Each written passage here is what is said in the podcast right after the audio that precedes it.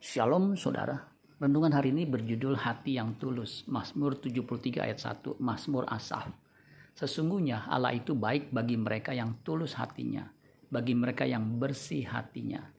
Terjemahan New English Translation Mazmur 73 ayat 1 dikatakan begini. Salam by Asaf. Certainly God is good to Israel and to those whose motives are pure sebuah mazmur karya Asap tentu saja Allah baik bagi Israel dan bagi mereka yang motifnya murni. Di beberapa terjemahan mazmur karya Asaf ini dikatakan Allah itu baik kepada Israel. Ada kata Israel disebutkan di sini yang memang ada di teks aslinya sedangkan terjemahan LAI tidak ada kata Israel. Allah itu baik kepada umat pilihannya. Tentunya umat pilihannya yang memiliki hati yang tulus Tuhan berlaku setia kepada mereka yang setia. Di dalam perjanjian lama, Daud dikenal sebagai orang yang tulus hatinya. Tuhan mengakui Daud seorang yang tulus. Meskipun ia diperlakukan tidak baik oleh mertuanya, Raja Saul, ia tidak membalas. Orang yang tulus hatinya tidak akan melukai orang lain meskipun ia dilukai.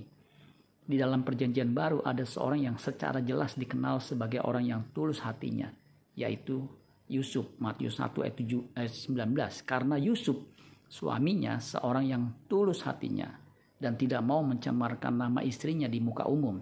Ia bermaksud menceraikannya dengan diam-diam. Untuk memiliki hati yang tulus tidak bisa didapat secara mendadak tetapi harus melalui usaha kerja keras dan proses yang panjang. Dari hal-hal kecil sampai ke hal-hal besar kita harus bersikap benar di hadapan Allah memiliki hati yang tulus perlu perjuangan panjang dalam meresponi setiap peristiwa yang kita hadapi setiap saat. Bagaimana respon kita terhadap peristiwa itu? Apakah sesuai dengan pikiran dan perasaannya?